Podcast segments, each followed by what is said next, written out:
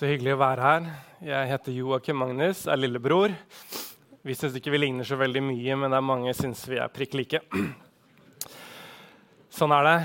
Så Skaperkraft er det jeg leder nå. Starta i april, og nå har vi liksom blitt knytta til Hånes frikirke om vi vil eller ikke. fordi pastordattera jobber der, og jeg har jo da en bror som er eldstebror. Så, men det er hyggelig at dere tar imot oss, og tusen takk for, for gaven dere har gitt. Jeg vet, fått det på øret, at dere er gjennom noe dere kaller åndelige praksiser. Og det er liksom Noe av kjernen i kristelivet det er at vi ønsker å bli som Jesus. Og så tenker man at ok, hvordan skal vi bli som Jesus? Jo, da må vi gjøre det Jesus gjorde. Og der kom de åndelige praksisene fra. For da begynte man å se hva var det Jesus gjorde. Ok, Da må vi begynne å leve på samme måte som Jesus gjorde. Og En av de tingene dere har vært gjennom de siste to søndagene, det er Bibelen. Jesus leste Bibelen mye. Jeg tror ikke han fikk sånn gratiskort fordi han var Gud, så han bare downloada alt sammen. Men jeg tror han brukte tusenvis av timer. Og han satt som antagelig som en fem-seksåring så ville han begynt i eh, synagogene, og så hadde han begynt også på å lære seg ett vers etter ett vers etter ett vers, sånn at når han var antagelig som 14-15 år, Jesus, så kunne han store deler av Gammeltestamentet på rams. Så Derfor har Bibelen vært veldig viktig gjennom hele kirken å forstå det her. Og så glemmer vi ofte, for vi er veldig glad i Nytestamentet. Det er der historien om Jesus er, det er der brevene til Paulus er. Og så glemmer vi at den Bibelen Jesus levde, ikke levde bare, han leste, det er Gammeltestamentet. Bibelen Paulus forkynte fra Peter, alt var Gammeltestamentet. Derfor tenker jeg ofte, så sier jeg at Nytestamentet det er egentlig bare Gamletestamentet forklart i lys av Jesus. Så jeg har en liten hobby, eller jeg er veldig glad i Bibelen. Jeg har drevet med bibelkveld, men jeg synes det er gøy å gå og lese ting som man ofte ikke leser eller tenker så mye på. Og så tenker jeg er det noe gull her? Er det noe vi kan lære her? Så da tenkte jeg å ha en sånn god, gammeldags bibeltime med dere. Håper ikke den eh, blir veldig kjedelig, men jeg håper motsatt. At det skal åpne opp for dere og tenke wow, oi, står det så mye spennende i disse gamle versene. Så dere kan gjerne slå opp med meg i Salme 24 den er da en salme som er skrevet for kanskje 3000 år siden av den største, en av de aller største heltene i Gammeltestamentet, som var et frampek på Jesus, kong David. Så skal vi lese den, og så skal jeg hjelpe oss alle å sette den her inn i en historisk kontekst. Vi leser i Jesu navn, en salme av David. Jorden og alt det som fyller den, hører Herren til. Verden og de som bor der, er hans. For han har grunnlagt jorden på havet, grunnfestet den på strømmende vann. Hvem kan gå på Herrens fjell? Hvem kan stå på Hans hellige sted? Den som har skyldfrie hender og et rent hjerte, som ikke lengter etter løgn og ikke sverger falsk ed, han får velsignelse av Herren og rettferd fra Gud, sin frelser. Dette er en slekt som venner seg til ham som søker ditt ansikt, Jakobs Gud. Løft dere, dere porter, ja, løft dere eldgamle dører, så ærens konge kan dra inn. Hvem er denne ærens konge? Herren sterk og mektig, Herren mektig i strid. Ja, løft hodet, dere porter, ja, løft dere eldgamle dører, så ærens konge kan dra inn. Hvem er han, denne ærens konge? Herren Sebaot, han er ærens konge. Og så sitter noen og tenker oi, det her var fine ting, og andre tenker hva i alle dager er denne salmen her om? Hopper jo overalt. Så la oss forstå det her. Ofte når jeg går til Gammeltestamentet, så må jeg spørre hva var tanken? Hva, hvorfor skrev David det? Hva var situasjonen han var i? Så denne salmen her, De fleste teologer tror at dette kommer fra en historie som er hentet fra andre Samuels bok, kapittel 6, eller andre første krønikebok 15. Og Det er en litt spesiell historie som man ofte ikke underviser så mye om. Men det hadde seg sånn at før Saul ble konge, før det fantes noen konge i Israel, så hadde de en paktkiste som de tok med seg. Og den hadde blitt stående i et navn som heter Adinabas hus. Han hadde stått der gjennom hele Sauls regjeringstid. Og når David blir konge, og når han vinner over og tar inntar det som nå heter Jerusalem, så hadde han en tanke på at denne her kisten vil jeg ta med hjem til Jerusalem. Og paktkisten den var kanskje ca. noe sånn her stor. Den var kledd i gull, så hadde den to fugler som sto mot hverandre. Men dette var ikke bare en vanlig kiste. For denne var den kisten som sto inne i det aller helligste tabernakelet og aller helligste tempelet.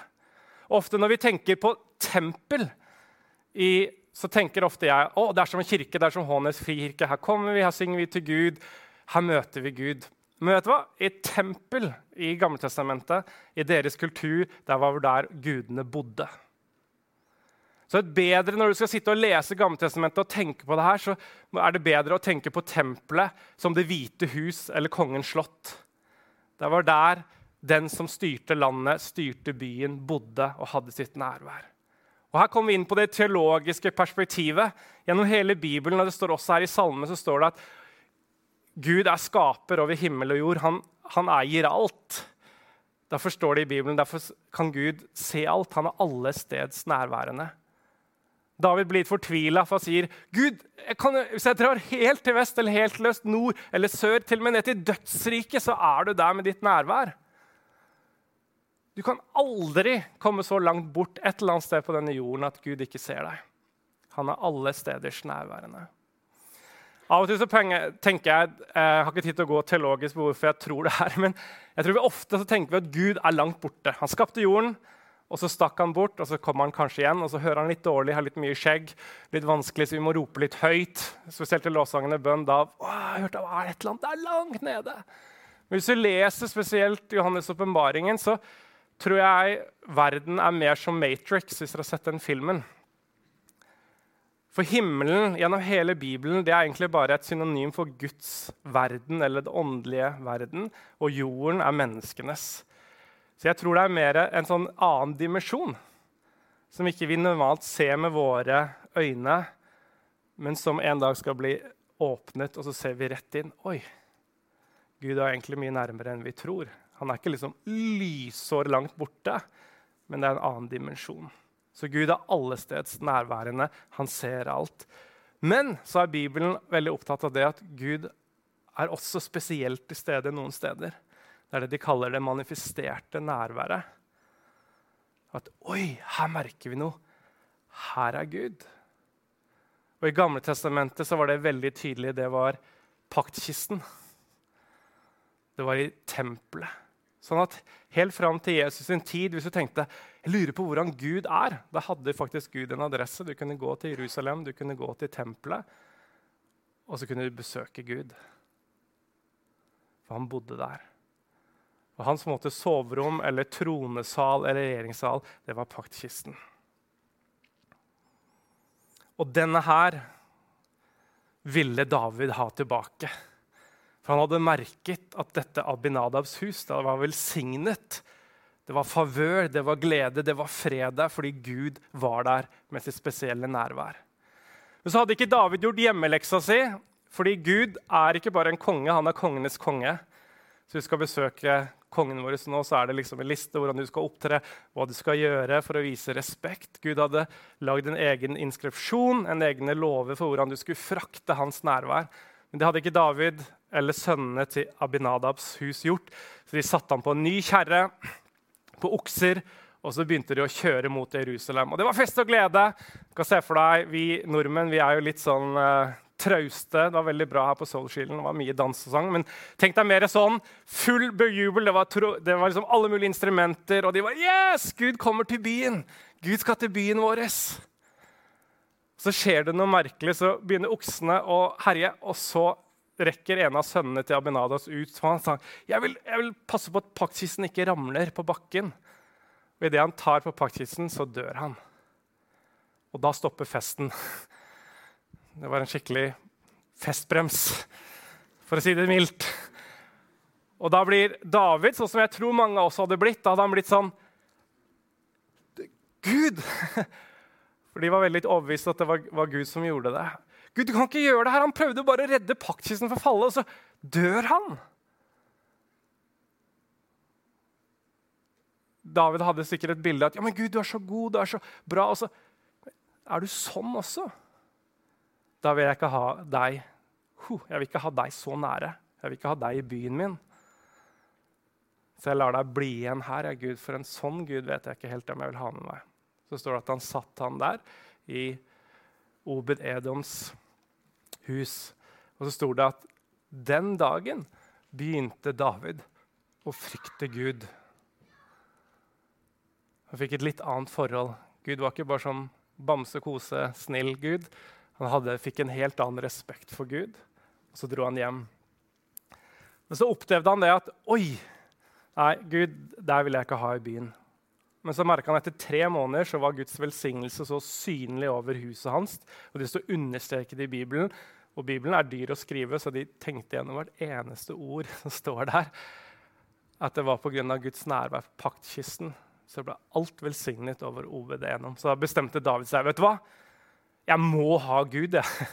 For Gud er ikke først og fremst streng. Han er, han er god.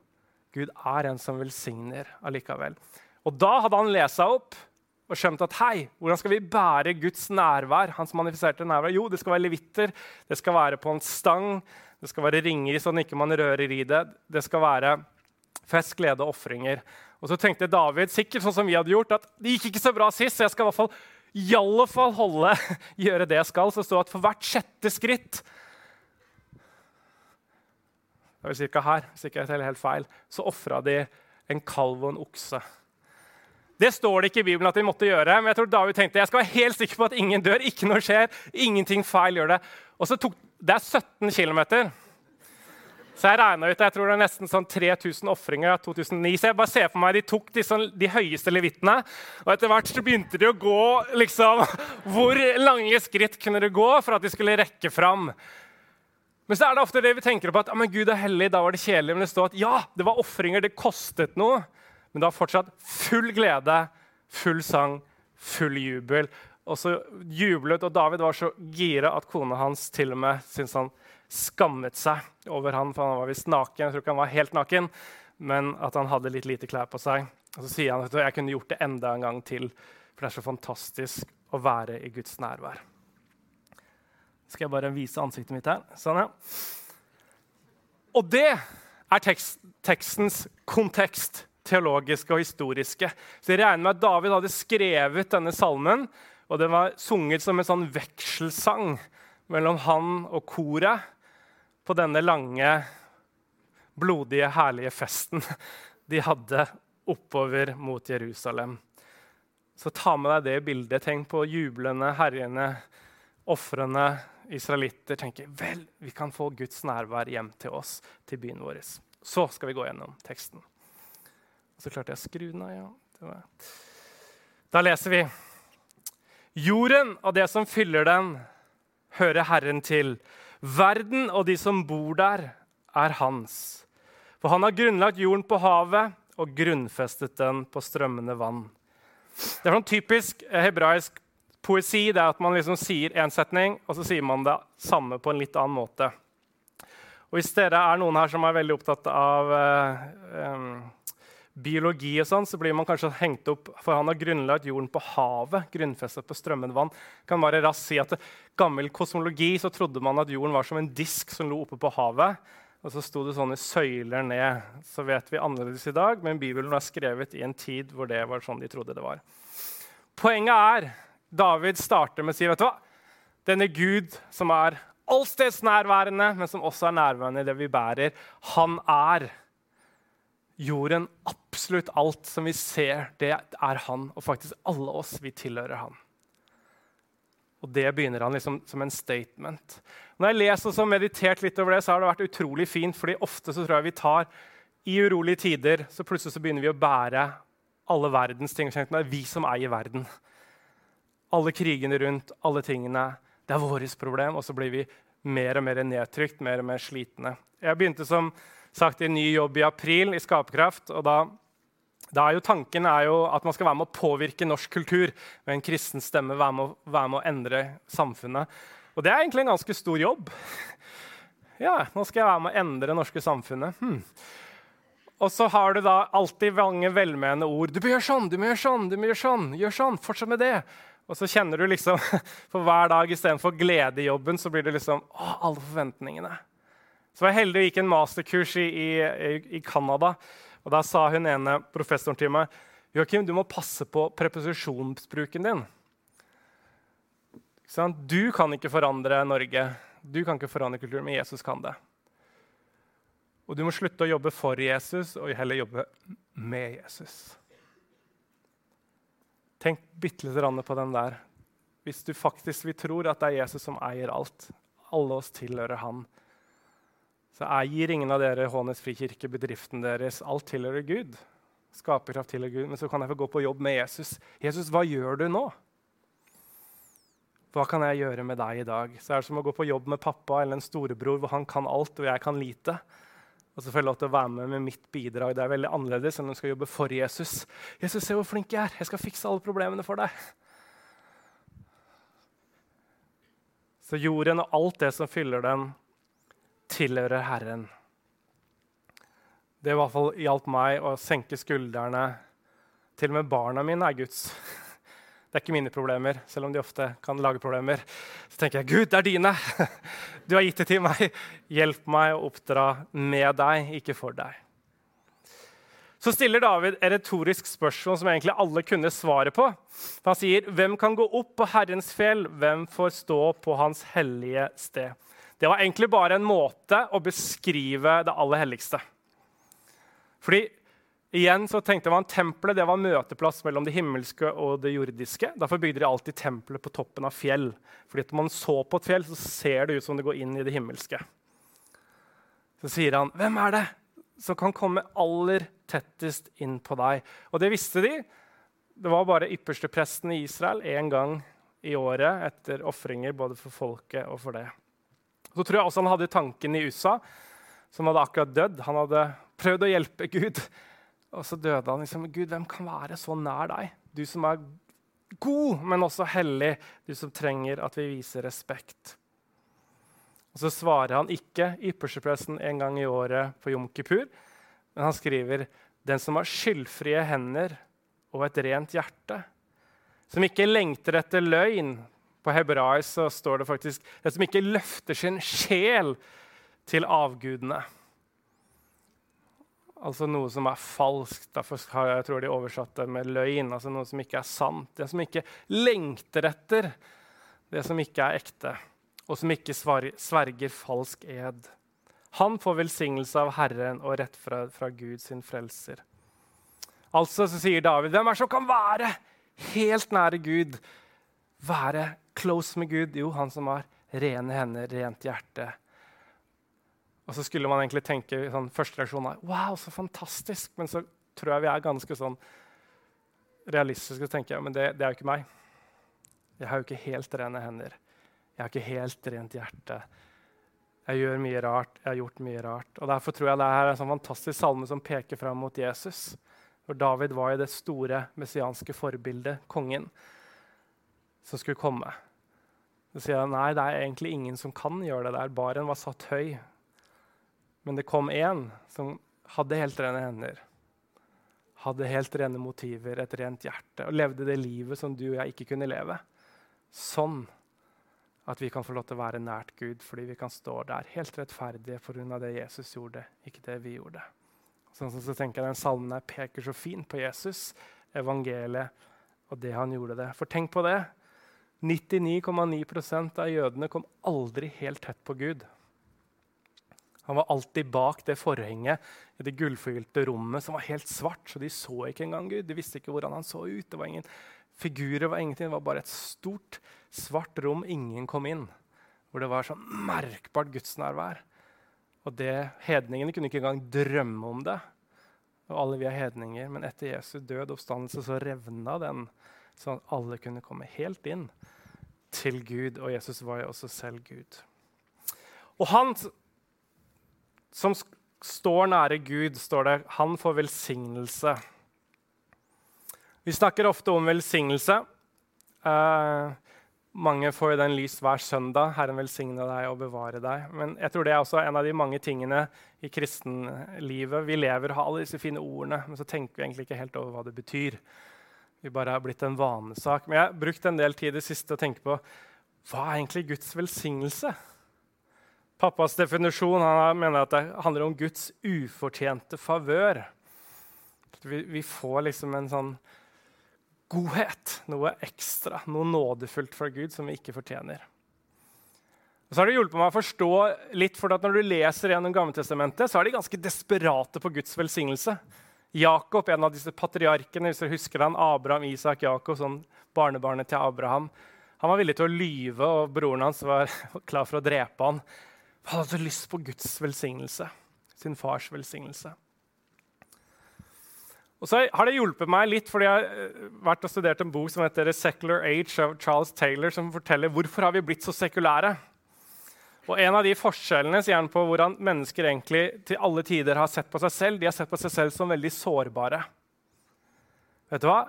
Alt er ikke opp til meg, men jeg er avhengig av jeg, Mitt liv styres av kollektivet, men det styres også av gudenes forbannelser og velsignelser. Litt spørs hvilken religion de tilhører. Men i vår moderne siste århundre så har vi vært veldig det han kaller det liksom the buffer itself. Nå har vi sånne autonome individer som er opptatt av at vet du hva, jeg kan lage mitt liv, jeg kan styre litt, jeg kan bli hva jeg vil. Det, alt er opp til meg. Vi er ikke avhengig lenger av noen utenfor. Det litt morsomme med det er at Hver gang det går dårlig, så er det alle andres skyld. ikke sant? Så Dårlig lærer, dårlige foreldre, dårlig skole, dårlig fotballtrener. Men motsatt vei så er det bare meg. Så tenker jeg kanskje disse litt mer gamle menneskene hadde forstått det riktig, for det står i Bibelen at det er Guds velsignelse som gjør rik. Eget strev legger ingenting til. Fint vers, tenker vi, men ingen av oss tror vel egentlig på det. Det er jo opp til meg. Så det du sår, det høster du. Så det handler ikke om at det ikke er viktig å gjøre en god jobb og kvalitet, men tror vi virkelig på det?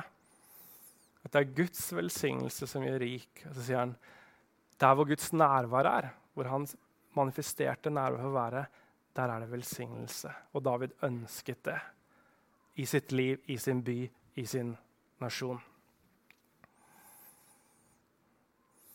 Dette er en slekt som venner seg til ham, som søker ditt ansikt, Jakobs Gud.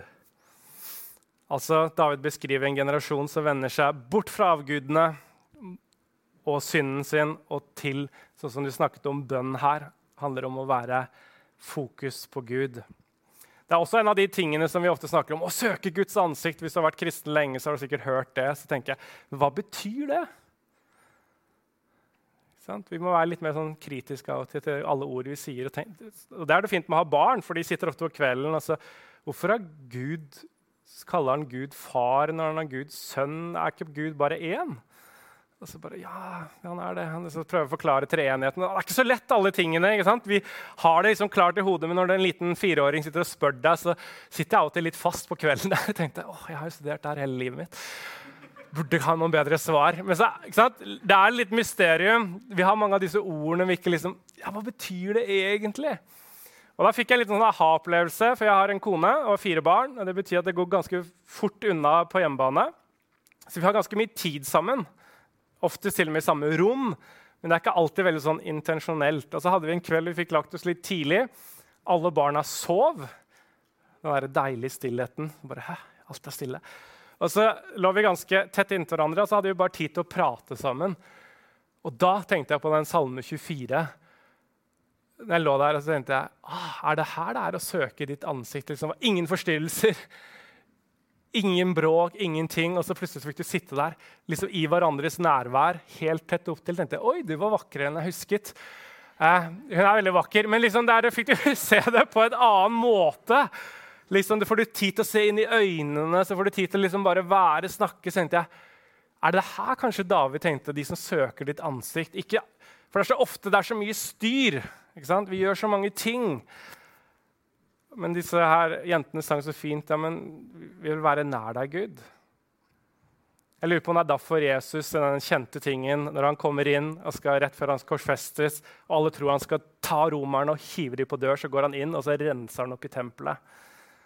Så han, dette skal være et bønnens sted. Hvorfor gjorde det? For det var umulig å ha fokus på Gud, spesielt for kvinnene som ikke kom lenger inn.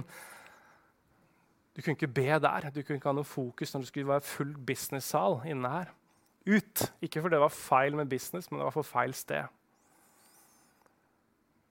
Så sier David ja, men jeg vil være en sånn som søker deg, søker ditt ansikt. Virkelig være sammen. Så klarer ikke vi det 24-7. Men det der å søke inn og finne disse små lommene i hverdagen hvor du kan bare være deg og Gud, uforstyrret. Så avslutter han. Løft hodet, dere porter, ja, løft dere eldgamle dører, så ærens konge kan dra inn. Hvem er denne ærens kongen? Herren sterk og mektig, Herren mektig i strid. Ærens konge jeg synes det høres bedre ut på engelsk. The King of Glory. Og Her igjen så bruker de ordet kadosh, tror jeg det er på hebraisk, og det betyr egentlig tung. Denne tunge kongen. Men Det er ikke det at han nødvendigvis er så stor, sånn sett, men det er det merkbare nærværet. Så når man snakker om Guds denne æren, kongen, så snakker man egentlig må du ha bilde av noe som det er en du merker når han kommer inn i rommet. Det er noe, det er noe fint. Det er noe Guds nærvær. Og så tenker jeg det er to fine ting som jeg ville bare nevne på det her, at David synger jo den sangen her. Han var jo kongen, han var den mektigste mannen i Israel. Stor kriger. Og så var han veldig tydelig på det at det var kongenes konge. Det er en over han. Han var ikke bare han var ikke sjefen med stor S, det var en annen enn over han. Det glemmer vi ofte i livet vårt. Uansett så har vi alltid en som følger noen. Vi har kalt det følge Jesus, uansett lederposisjon, uansett hva vi tenker på oss. Og så den andre tingen er at I oldtiden, når man hadde kriger, så var det ikke først og fremst filisterne mot israelittene, moabittene mot ammonittene. De tenkte annerledes. De tenkte at det var gudene som krigde mot hverandre. Alle, alle hadde en gud. Familieguder, nasjonsguder. Og så var den sterkeste guden som vant. Og så ble det bare synlig der. Derfor sa Gud veldig tydelig i Gammeltestamentet kriger i Gammeltestamentet, vanskelig tema. Det får du overlate til Eldsterådet å ta seinere. Men derfor spør de jo alltid Gud, er du, er du med oss eller ikke? Skal vi angripe eller ikke? Skal vi gå inn i denne kampen her eller ikke? For det viktige var om Gud ga ja eller nei til det. Ga han ja, så ville det gå godt. Ga han nei. Og så tenker jeg på det, og Derfor sa de aldri 'tell Israel ikke tell hvor mange det er, fordi styrken deres skal ikke ligge i hvor mange dere er, men i hvem dere er. Og det tenker jeg, uansett om Vi, vi er ikke kalt til å ta opp sverdet og gå i krig som en kirke, men i våre liv som en kirke, i vår familie. Liksom, hvor ligger styrken vår? Oi, vi har stor familie, vi har stor, masse penger, vi har en svær kirke. Vi driver en fantastisk bedrift. Er det der du har identiteten og styrken i? David sier veldig tydelig motsatt nei. Hvem er det du tilhører? Har du Gud, så kan du være alene, skrøpelig, fattig, enslig allikevel vinne. Og igjen tror vi på det, egentlig. Veldig ofte så tenker vi kjøttvekten.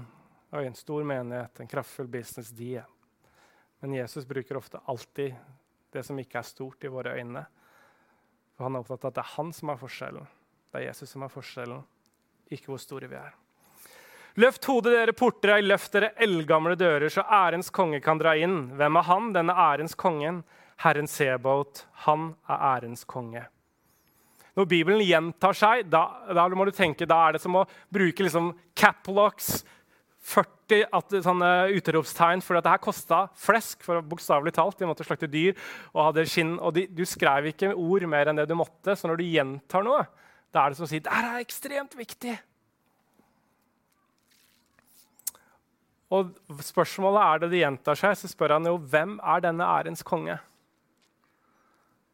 Spørsmålet egentlig sier hvem er egentlig Gud? Jeg har en mentor i USA som heter Ken Helser. Han sier det. Joakim, det viktigste i livet er hva du tror om Gud. For hvis du som kristen skal leve et kristenliv, så kommer du til å bli det du tror. Det står det i Salme 115. Det du tilbyr, det blir du lik. Tilbyr du en statue av tre og stein som ikke kan snakke, høre, gå, så blir du kald. Derfor skal vi tilbe Gud, for han er en god, en kjærlig Gud. Så hvem er det du tilber? Hvem er det du egentlig tror Gud er? Du må tro sant og riktig om Gud. Jeg tror David hadde en liten sånn gjennomgang der, og han hadde et litt sånn rosa-rødt bilde av Gud, og så plutselig møtte han en litt annen Gud der ute når du tok paktkisten. Og så fikk han gå og modnes litt til. Da tenkte han nei, men Gud, hans hellighet er der, ja, men han er en god, en velsignende Gud. Derfor tror jeg han gjentar det. Hvem er denne ærens konge? Hvem er denne manifesterte, tunge nærværen, kongenes konge? Jo, han er Herren Sebot, den mektigste, den største. himmelen og jorden skaper.